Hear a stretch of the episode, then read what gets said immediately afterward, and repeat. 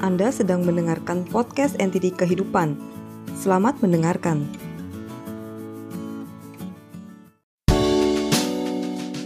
Siapa yang perlu dididik? Ada sebuah kuil di atas gunung. Di sana hiduplah seorang guru bijak yang terkenal. Dia memiliki banyak murid yang juga tinggal di sana.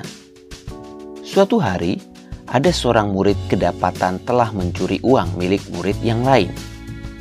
Saat dibawa ke hadapan sang guru bijak untuk diadili, guru bijak hanya berkata, Lepaskanlah dia.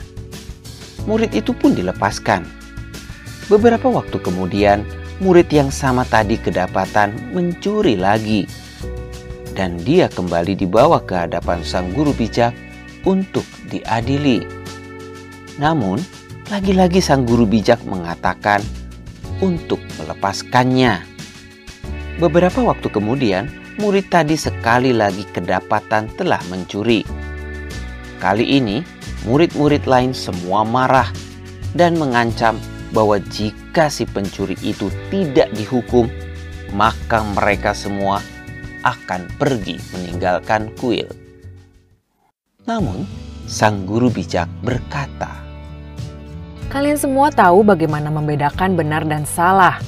Tidak masalah jika kalian pergi dari sini dan menjalani kehidupan atau pergi ke kuil lain. Saya bisa melepas kalian semua dengan tenang. Namun saudara kalian yang satu ini, dia tidak bisa membedakan benar dan salah. Bagaimana bisa saya menyuruhnya pergi? Saya akan mendidiknya sampai dia benar-benar bisa membedakan benar dan salah. Mendengar kata-kata sang guru bijak, murid yang mencuri itu menangis hatinya begitu tersentuh, dan dia berjanji bahwa dia tidak akan mencuri lagi. Dan seterusnya di masa depan, satu murid itu tidak pernah mencuri lagi.